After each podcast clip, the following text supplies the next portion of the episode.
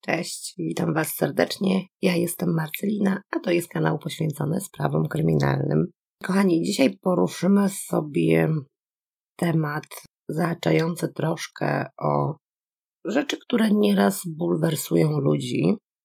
I chciałabym, żebyśmy w pełni szacunku podeszli do tego młodego człowieka, o którym będziemy mówić. Dziś zajrzymy do USA i poznamy sprawę Tenera Warda, dziewiętnastolatka, którego śmierć owiana jest tajemnicą. Tener urodził się 7 września 1999 roku, był jednym z trojga rodzeństwa. Chłopak miał brata Tylera oraz siostrę Kelsey. Rodzina mieszkała w Missouri, w małym miasteczku Trenton, oddalonym od Kansas City. Niecałe dwie godziny jazdy. Trenton, małe miasteczko liczące ponad 5,5 tysiąca mieszkańców. Wszyscy się znali, jeśli nie osobiście, to chociaż z widzenia. Takie niewielkie społeczności często dają poczucie bezpieczeństwa. Niestety mam wrażenie, że czasem bywa ono złudne. Tener, wchodząc w wiek nastoletni, zaprzyjaźnił się z ludźmi, którzy mieli na niego zły wpływ. Sięgał po narkotyki, miał też problemy z prawem. Na młodym mężczyźnie wisiał wyrok w zawieszeniu związany z posiadaniem broni i napaścią.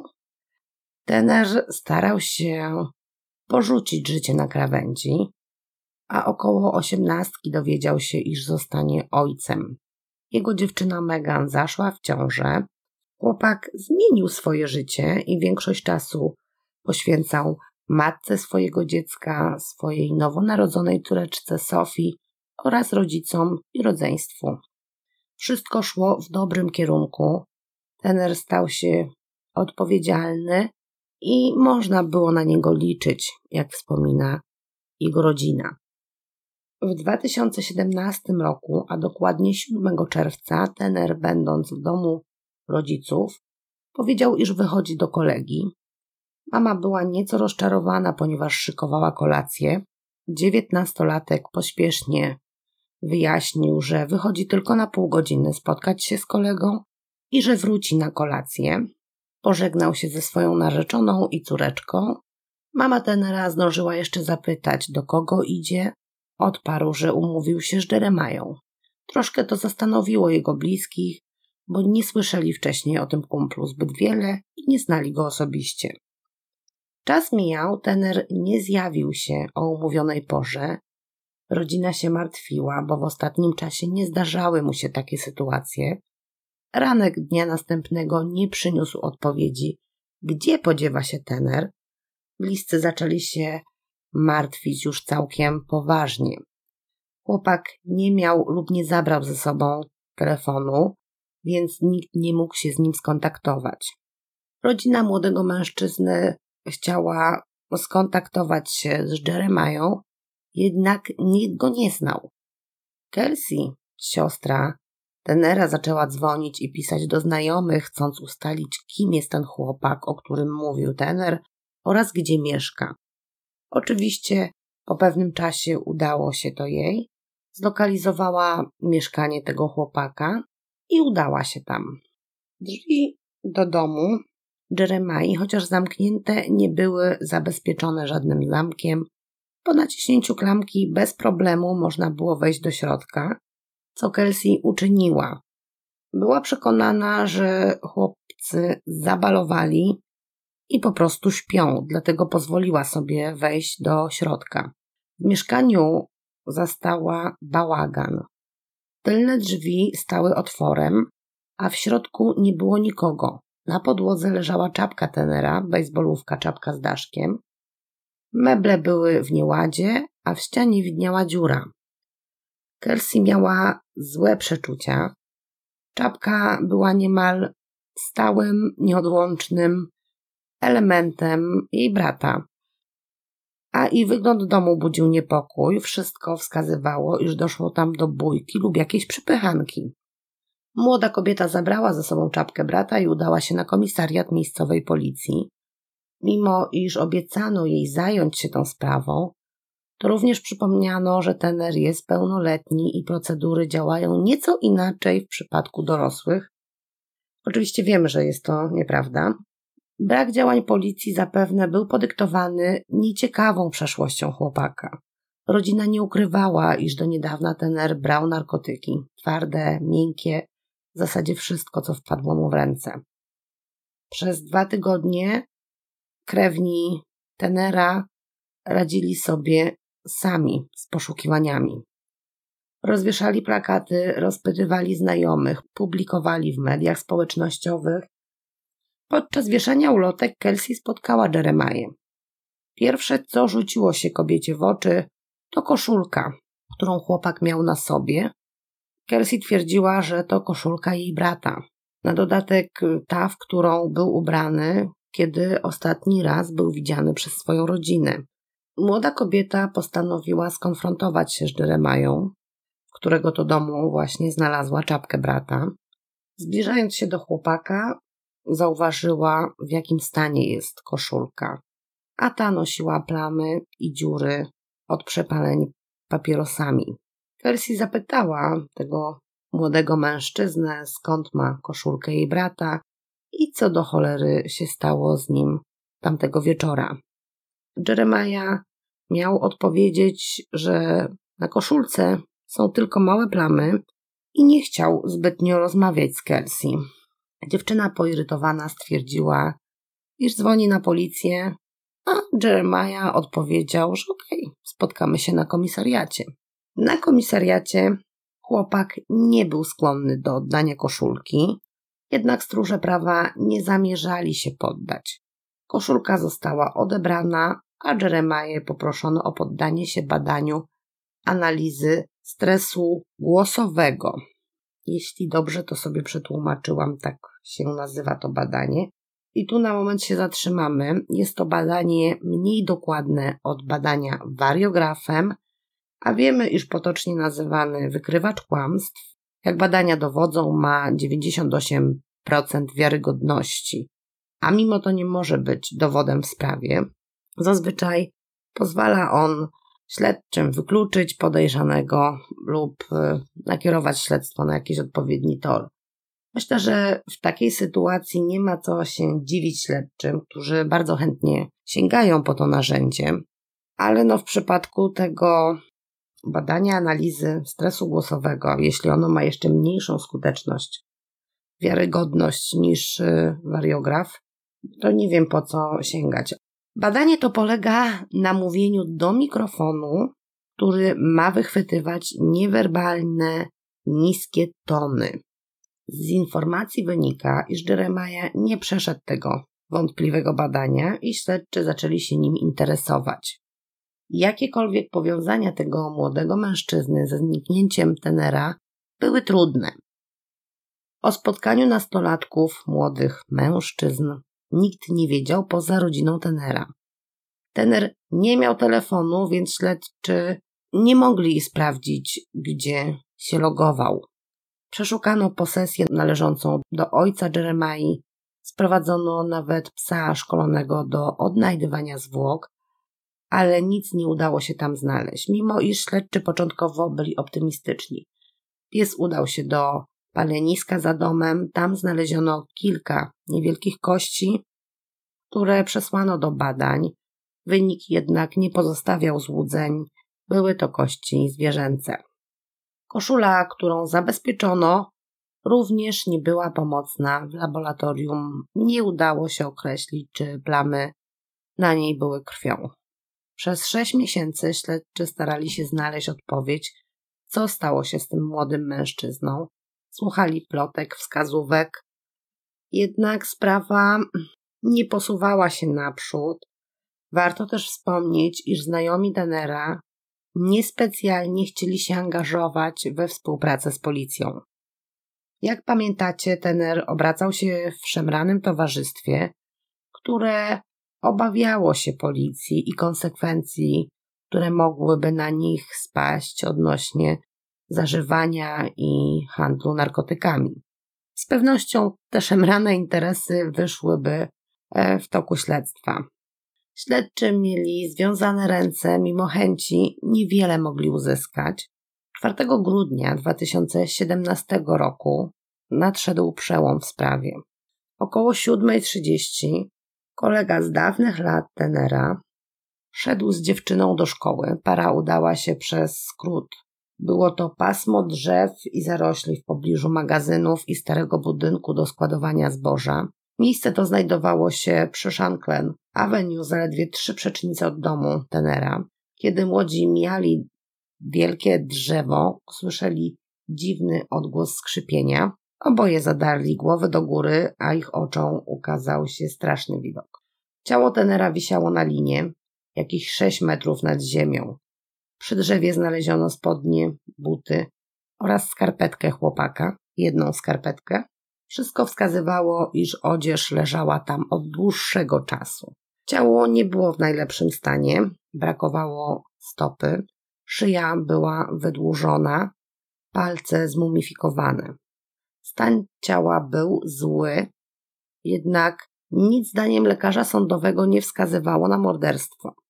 Wyniki autopsji były jednoznaczne. Tener popełnił samobójstwo.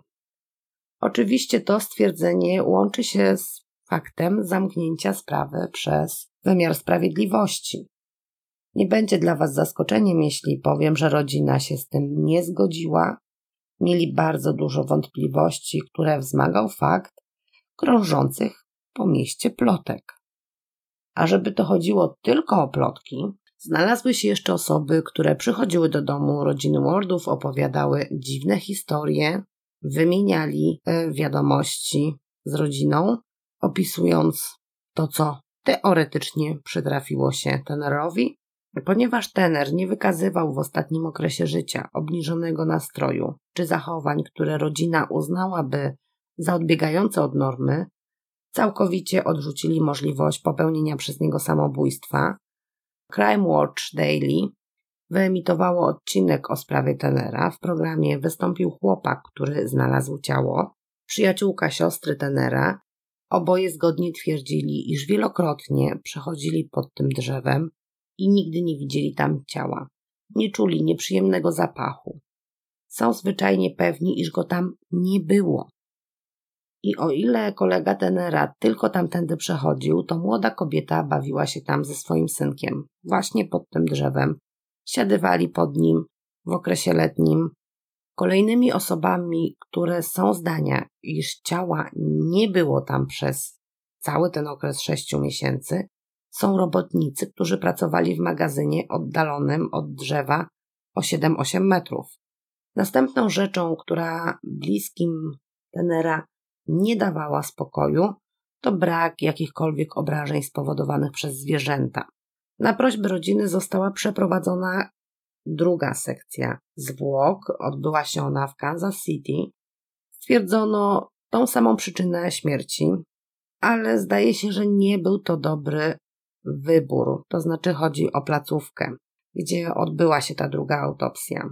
To jest y, firma prywatna, pozwoliłam sobie zerknąć na opinie o tej firmie, instytucji. No, w większości są negatywne i toczy się jakieś śledztwo związane z osobami tam pracującymi. Poza tymi oczywistymi wątpliwościami dla rodziny chłopaka, zaskakujące było również, iż doszło do mumifikacji. W wyżej wspomnianym programie wypowiedział się ekspert, który zapewnił, iż w warunkach, jakie panują w Missouri, może dojść do procesu, o którym mówimy. Temperatura latem jest na tyle wysoka, iż taki proces może zaistnieć. Oczywiście musi się złożyć na to kilka czynników, ale najprawdopodobniej tamtego lata tak się mogło zadziać. Abyśmy mogli lepiej zrozumieć, postanowiłam nieco zgłębić temat i do strupieszczenia, inaczej mumifikacji może dojść. Mówimy oczywiście o naturalnym, nawet w przeciągu trzech tygodni, jeśli warunki są sprzyjające. Jeśli jednak mowa o pełnej mumifikacji całego ciała, no to ten okres y, jest wydłużony o kilka tygodni, ale to nie dotyczy tenera. Artykuł, który czytałam, odnosił się do badań w Nicei i tam zmumifikowanych zwłok. Oczywiście różnica w klimacie jest. Nica jest trochę chłodniejsza i wilgotność powietrza wyższa, więc można sądzić, iż ten klimat jest nawet mniej sprzyjający niż w Missouri, jeśli nie leje. Dobijając do brzegu, aby proces mumifikacji był możliwy, powinno być sucho, przewiewnie. Im wyższa temperatura, tym lepiej. Ciało wtedy traci szybciej wodę. Wszystkie te argumenty nie przemawiają jednak do mamy Tenera. Zdaje się, iż łatwiej jest jej uwierzyć, iż ktoś dopuścił się morderstwa i pozbawił jej syna życia. Kobieta ma wciąż pytania, na które nie znalazła odpowiedzi. Gdzie podziała się jedna ze skarpet jej syna i gdzie podziała się stopa?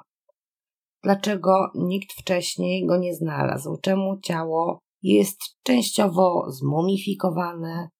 I co dla niej najistotniejsze, dlaczego miejscowa policja nie chce pokazać dokumentów sprawy? A tu jest chyba konkretnie mowa o dziesięciu tysiącach stron. I mamie Tenera głównie chodzi o zeznania osób y, w jakimś sensie zaangażowanych w tą sprawę. Dlaczego policja nie chce pokazać tych zeznań? Nie mam pojęcia, jakie są faktycznie tam procedury. No i chyba najbardziej to, co do mamy Tenera przemawia za tym, że doszło do morderstwa, to te krążące po miasteczku plotki, SMS-y, wiadomości różnego typu.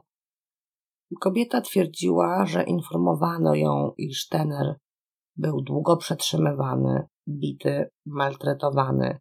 Kości chłopaka były w stanie dobrym, nie było widać na nich urazów. Następnie ona uważa, że oprawcy mieli trzymać ciało chłopaka w zamrażalce i dopiero po czasie powiesić je na drzewie.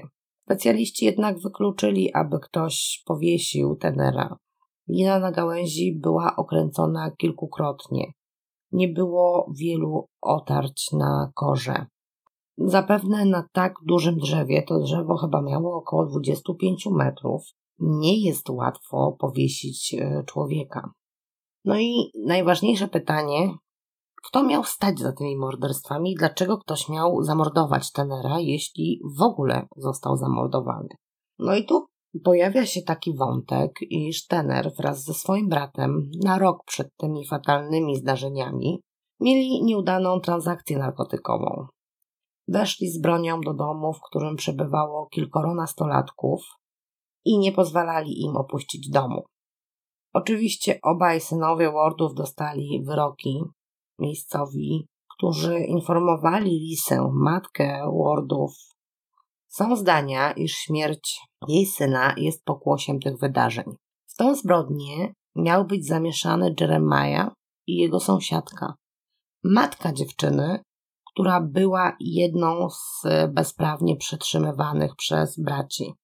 Informatorzy twierdzą również, iż nie planowano morderstwa, jedynie pobicie, jednak sprawy wymknęły się spod kontroli. Tu już widać rozbieżność. Są informacje o przetrzymywaniu, ale i o niespodziewanej śmierci. Więc albo jedno, albo drugie, albo ktoś e, uprowadził tenera i znęcał się nad nim przez jakiś czas, albo ktoś chciał go pobić i po prostu sprawy wymknęły się spod kontroli. Jedna wersja przeczy drugiej. Policja z miasteczka przyznaje, iż ma wiedzę na temat tych wszystkich e, plotek. Starali się je sprawdzać, weryfikować, jednak nie mieli z czym pracować, ponieważ były to tylko plotki, pogłoski, domniemania zero dowodów i świadków. Co faktycznie stało się 7 czerwca 2017 roku pozostaje tajemnicą do dziś. Dla wymiaru sprawiedliwości ta sprawa jest zamknięta. Nie znaleziono żadnych śladów, które wskazywałyby, iż ten młody mężczyzna był bity przed śmiercią i aby ktoś pomógł mu opuścić ten świat. Jego rodzina jest jednak innego zdania. Są przekonani, iż zdarzenia 2016 roku przyczyniły się do śmierci Tenera. Ponieważ nie znalazłam nigdzie raportu z sekcji zwłok, zastanawia mnie konkretnie przyczyna śmierci i mam tu na myśli, czy udało się lekarzowi sądowemu określić, czy było to powieszenie i czy został przerwany rdzeń kręgowy, czy mamy do czynienia z uduszeniem. Rozumiem rozpacz rodziny, brak chęci przyjęcia wersji forsowanej przez śledczych, jednak moim zdaniem za tym, że doszło do morderstwa, może jedynie przemawiać to, iż w domu Jeremai siostra Denera została taki, a nie inny widok. To, iż chłopak nie został znaleziony przez taki długi okres czasu, nie jest żadnym argumentem. W koronach drzew jest raczej gęsto, a nad ciałem chłopaka było sporo gałęzi. Blisko tego drzewa rosło też wiele innych drzew, więc po prostu mógł być niewidoczny. Mało tego, gdy dokądś zmierzamy, patrzymy pod nogi lub przed siebie. Raczej mało osób chodzi zerkając w korony drzew i w niebo. Zapach to też dość często podnoszony argument przez bliskich, że przecież byłoby czuć i tak dalej. Tylko musimy wiedzieć o tym, iż zapach unosi się do góry. Nie wiem, jaki tener miałby mieć powód, aby popełnić samobójstwo, ale sądzę, że jakiś miał. I takie jest moje zdanie. Oczywiście, jak najbardziej zachęcam Was, abyście i Wy wyrazili, co myślicie o tej sprawie. Bardzo dziękuję za wspólnie spędzony czas. Do usłyszenia. Cześć.